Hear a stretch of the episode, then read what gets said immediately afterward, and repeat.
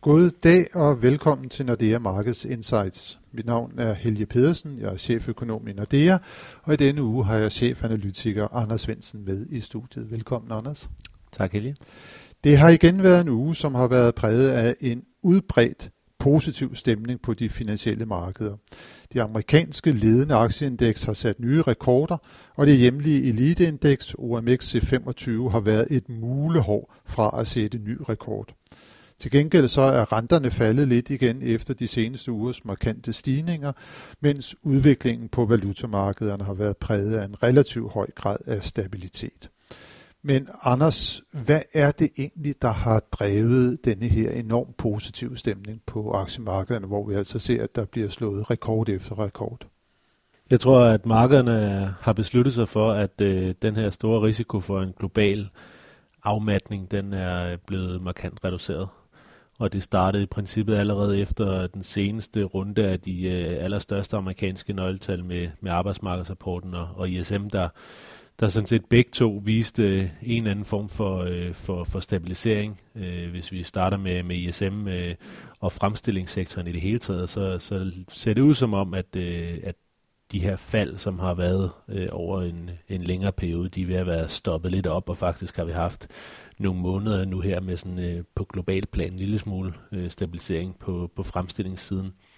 Og samtidig så var... Øh, var, øh, var hele arbejdsmarkedsdelen jo øh, ikke nær så negativ, som man kunne have frygtet. Altså, den store bekymring er jo nu her, at, at den afmatning, som vi har set i fremstillingssektoren, at den på en eller anden måde øh, kommer til at ramme arbejdsmarkedet, altså folk, der mister deres job, og så begynder det at gå ud over servicesektoren, som er det, der lige nu holder økonomierne oppe, både i, i USA og, og øvrigt Og igen, når vi så ser, at der ikke rigtig er den der øh, afmatning, jamen så, er, så er risikoen selvfølgelig mindre for, at, øh, at det så smitter af på, øh, på, på servicesektoren. Ja, og så kan vi vel også dertil lægge, at noget af det, der er med til at stabilisere økonomien, det er vel også, at Fed har vendt på en tallerken hen over sommeren, begyndt at lempe pengepolitikken, og nu jo også igen er begyndt en form for en kvantitativ lempelse. Det kan man altid diskutere, om det er, men de her permanente åbne markedsoperationer, som man nu har påbegyndt, de er jo en form for sådan en, ja, permanent likviditetstilstrømning til økonomien,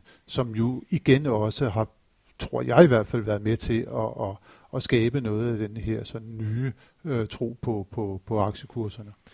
Ja, man kan sige, nu det er jo, det er jo en kombination af selvfølgelig, at, at der ikke længere er den her frygt for en, for en afmatning, samtidig med, at centralbankerne jo er, ikke, om ikke har speederen i bund, det har de i ECB, det har de selvfølgelig ikke helt i fedt, men, men de er alligevel øh, på et sådan relativt lempeligt niveau. Og man kan sige, Fed siger jo så, at de er færdige med at sætte renten ned på, på det seneste møde, og så samtidig, så, som du siger, så, så giver de noget ekstra likviditet, fordi der har været, øh, om ikke mangel på likviditet, det har der sådan set ikke været, for der er rigelig likviditet, men likviditeten har ikke været de rigtige steder. Øh, der er nogle meget få øh, banker i USA, som mere eller mindre ligger med alt overskudslikviditeten, og det gør så, at, øh, at man kan se, at de korte renter kan, kan stige, altså som et tegn på, at der er nogle banker, der mangler likviditet. Så, simpelthen fordi dem, der, der har, ikke er villige til at, mm. at låne det ud, mm. som man, man så mm. før finanskrisen. Men det forsøger man i hvert fald på at imødegå de problemer, som der, der har været der ved at komme med de her øh, likviditetstildelinger. Og så kan vi vel også med sådan snakke lidt om, at de her seneste meldinger fra handels forhandlingerne øh, mellem USA og Kina ser også ud til at gå den rigtige vej, hvis man altså er interesseret i, at der skal komme en, en aftale. Sådan en første fase af aftale ser ud til at være lige på, på trapperne. Hvad skal vi regne os øh, med, med den? Ja, altså jeg skal se det, før jeg tror det, vil jeg sige. Øh, jeg synes, der, der er noget skiftende meldinger, og, og ja, nu hvor aktierne er oppe, så, så vil det heller ikke undre mig, at Trump han skruer bissen på igen, så ja, jeg, jeg er ikke sådan helt klar omkring, hvad jeg tror på, på handelskrigen, men, øh, men jeg vil i hvert fald se en aftale, før, før jeg tror, at jeg vil bestemt se, at, øh, at 12-satserne de bliver rullet tilbage, før jeg, før jeg kommer til at tro på ja, det. Ja, eller i hvert fald dem, som han har truet med ja, at hæve her i december, at det ikke bliver til noget. Præcis. Man må vel mene alligevel, at Trump han har en vis interesse i at kunne gå ud i valgåret 2020 og sige, jamen se, nu har jeg altså også lige fået ordnet kineserne. Vi har en, i hvert fald en delaftale på plads med dem. Helt sikkert. Så er spørgsmålet så, om kineserne er med på den leg, men øh, der skal jo nok to til at lave sådan en, en aftale. Øh, men men jeg, jeg, skal ikke, øh, jeg skal ikke gøre mig fuldstændig klog på, hvad der kommer til at ske. Jeg er bare en lille smule... Øh, en lille smule negativ, tror jeg, på, øh, på, på hele sådan udsigten omkring handelskrigen, og har måske heller ikke den helt store tiltro til, til Trump. Så, så jeg, jeg vil bare gerne se det, før jeg, jeg tror det, men du har selvfølgelig helt ret i, at det er jo en medvirkende faktor til, at aktiemarkederne de klarer sig så godt, som de gør. At der generelt er en opfattelse af, at der ligger en aftale lige rundt om hjørnet. Og måske, altså der er nogen, der endda begynder at snakke om, at det, nogle af de her 12 satser skal rulles, rulles tilbage. Øh, så det er selvfølgelig positivt.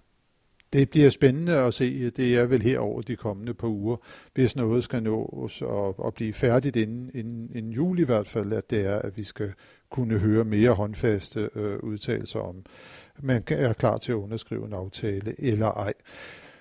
Vi har jo snakket lidt her om amerikansk økonomi, og som du har været inde på, så at de seneste nøgletal tyder på, at den afmatning, der har været, den er sådan ved at gå lidt i sig selv igen. Arbejdsmarkedet har det godt, forbrugertilliden ligger fortsat på et meget højt niveau, og det er jo det private forbrug, der sædvanligvis er den vigtigste drivkraft for udviklingen i USA.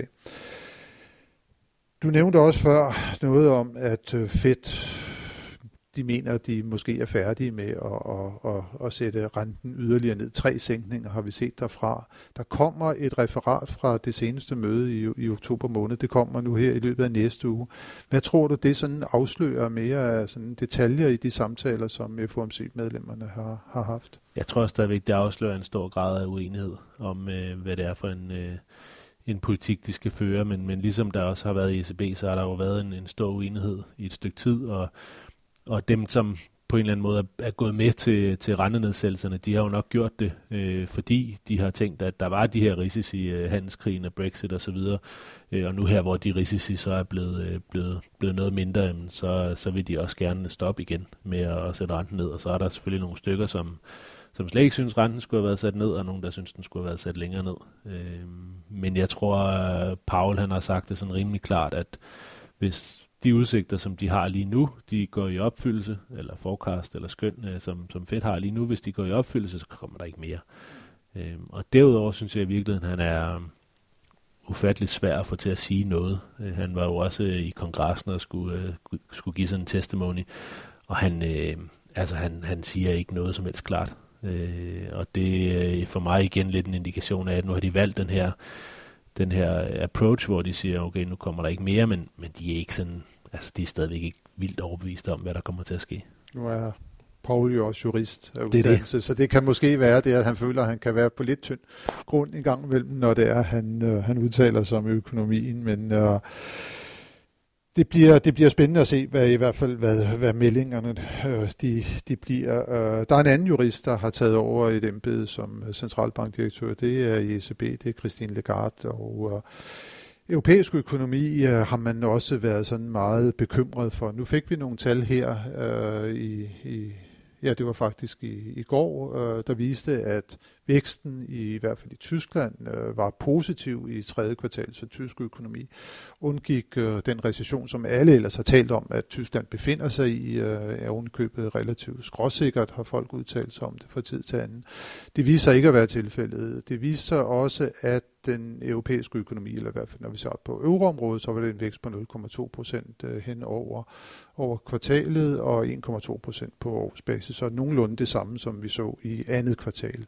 Så det virker ikke som om, at euroområdet er i sådan et egentligt frit fald, øh, som, som, som nogen i hvert fald havde frygtet, og som man kunne indikere måske ud fra PMI'erne, som vi også snakkede om tidligere fra fremstillingssektoren. Øh, hvad kommer det til at betyde for ECB og ja, Lagarde? Øh?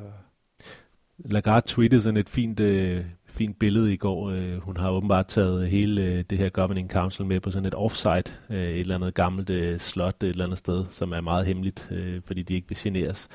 Øh, angiveligt for ligesom at, at forsøge at, at fjerne noget af den splid, der måske har været internt i, øh, i, øh, i den gruppe øh, efter den seneste lempelsespakke der i, i september.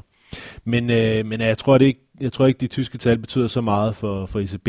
Øh, det kan godt være, at tredje kvartal var en lille smule højere end forventet, men til gengæld blev andet kvartal så justeret en lille smule ned. Så samlet set var det ikke en stor forandring i, i, øh, i sådan, kan man sige, udsigterne, men for markederne betyder det selvfølgelig noget. Det betyder rigtig meget, om et land er i recession eller ej, også selvom det er den her lidt tekniske definition med to øh, kvartaler i træk med negativ vækst. Så, så på den måde har det været med til at, at, at holde hånden under markederne, tror jeg, men, men for ECB, der, der vil de gerne stadigvæk se, se mere vækst, og grunden til, at de vil se mere vækst, det er, fordi de vil gerne se, at øh, den her stigende øh, lønstigningstakt, som vi rent faktisk har set, den også begynder at blive til højere kerneinflation så de på et eller andet tidspunkt ude i fremtiden kan opfylde deres mål om at få inflationen op på 2%. Og kerneinflationen, den ligger jo med de seneste tal, vi har fået, der ligger på 1,1% på årsbasis. Vi skal op tæt på, men under 2%, øh, det er målsætningen. Der er stadigvæk lang vej endnu. Der er rigtig lang vej. Men altså igen, går vi tilbage øh, to, to, tre år, så snakkede jo alle jo om, at uh, var, var død, og vi vil aldrig nogensinde få, få stigende lønvækst igen. Nu er lønvæksten dog kommet med nogle års forsinkelse i forhold til sådan øh, standard uh, modeller fra før finanskrisen. Nu øh, er der så en, en skepsis i forhold til, om den vækst i lønningerne nogensinde bliver til, til stigende priser, og lurer mig, om ikke det også kommer til at ske. Men øh, der er altså et eller andet øh, der, der gør, at tingene går meget langsomt i den retning, og vi har selvfølgelig øh, i hvert fald 5-10 gode forklaringer på, øh, på, hvad det kan være, men, øh, men det går langsomt, og, øh, og derfor så skal ECB selvfølgelig sikre, at der er vækst, og der er vækst nok til at sikre, at arbejdsmarkedet er stærkt, at lønningerne stiger, og at det på et eller andet tidspunkt giver nogle højere øh, forbrugerpriser. Ja, ellers så skal de måske til at underkaste deres egen målsætning, det ekstra tjek, som jeg i hvert fald har talt for igennem meget lang tid, fordi jeg vil jo ikke lægge skjul på, at min holdning det er, at den Philips kurve, den slet ikke ser ud, som den gjorde tidligere. Nej, det gør den. At den er blevet meget fladere, og den er også rykket ind, og det giver altså bare, som jeg ser det, en kæmpe udfordring nede i Frankfurt ved at holde fast i en målsætning, som har vist sig ekstremt svær mm. at leve op til. Helt sikkert, og man kan sige, det der, der er ECB's mandat, er jo sådan set prisstabilitet. Det står i, øh, i traktaten, og det, det skal de. Men det, det er dem selv, der har besluttet, at prisstabilitet betyder en inflation på 2%. Så den del kan de godt lave om. Og Lagarde har jo også øh, udtalt, at hun gerne vil have en revision af den strategi.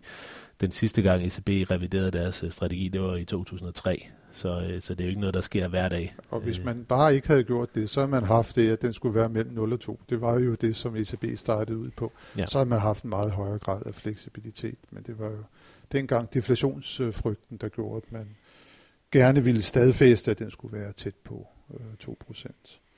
Men der begynder at være sådan en stigende bekymring for, om man måske øh, øh, alligevel har nogle for store bivirkninger af de her meget lempelige, øh, eller meget lave renter og, og negative renter. Ikke? Vi så den svenske Riksbank gå, øh, gå på nul, øh, og vi hørte også vicepræsident... Ja, det er de jo ikke gjort endnu. Nej, nej, men, men det er de forventningerne, ja. at de gør det til, til december. Ikke? De sagde det relativt klart. Ikke? Men, øh, og så havde vi vicepræsidenten for, øh, for ECB, øh, De Ginders, ud at sige, at, øh, at de ville kigge mere på de her negative øh, øh, bivirkninger af negative renter øh, fremadrettet.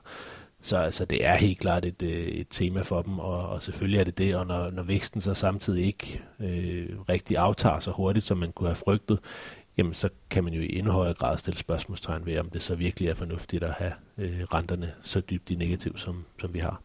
Men der er vel heller ikke nogen tvivl om, at det vil vare lang tid, inden de kommer væk derfra, uanset hvad man beslutter sig for. for hvis det er, at man for hurtigt begynder at sætte renterne op, så kan der jo komme nogle alvorlige øh, følgevirkninger på de finansielle markeder. Helt sikkert. Det er det her med lige at holde tilliden øh, til, øh, til bankerne, ved, øh, centralbankerne hvad de gør. Men det bliver jo, øh, det bliver jo super spændende. Det er, jeg tror, på fredag i næste uge, at Lagarde hun skal hun skal tale, og så bliver det spændende at se, om hun kommer til at tale om pengepolitik denne her gang. Hendes første tale var jo mere en, det var noget en, fuse. en, en hyldest til uh, Wolfgang Schäuble, den, ja. den tidligere øh, tyske øh, finansminister. Så. Men det bliver spændende at se, uh, Anders, hvis vi lige kigger ind igen i, i næste uge, så kommer der jo en række spændende nøgletal. Uh, starter med bilsalget i Europa, og det synes jeg i hvert fald, det er spændende, fordi det har jo netop været problemer i den tyske bilsektor, der har ført Tyskland ud i, i store problemer. Så får vi også mere detaljeret BNP-tal for Tyskland. Der bliver meget fokus der på øh, vi får Filifet fra, fra USA, så får vi jo ikke mindst øh, flash øh, PMI'erne for, for Europa.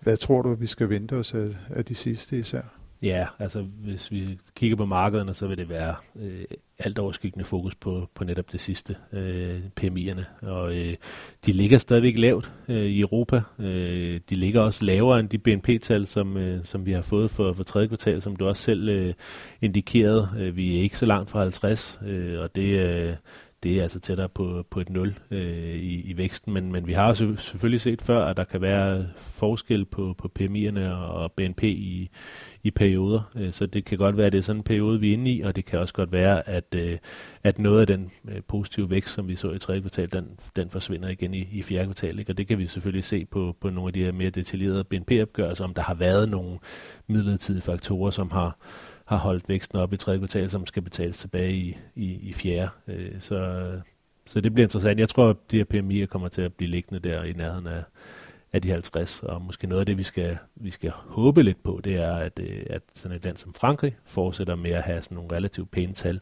for det er jo noget af det, der har holdt øh, Europa oppe. Det er jo primært øh, Tyskland, der har været i, i knæ, og primært den tyske bilsektor, som du sagde, og fremstillingsindustri i det hele taget, mens at øh, nogle af de lande, som er mere serviceorienterede, som den franske, de faktisk har klaret sig øh, relativt fortrinligt relativt fortrinligt.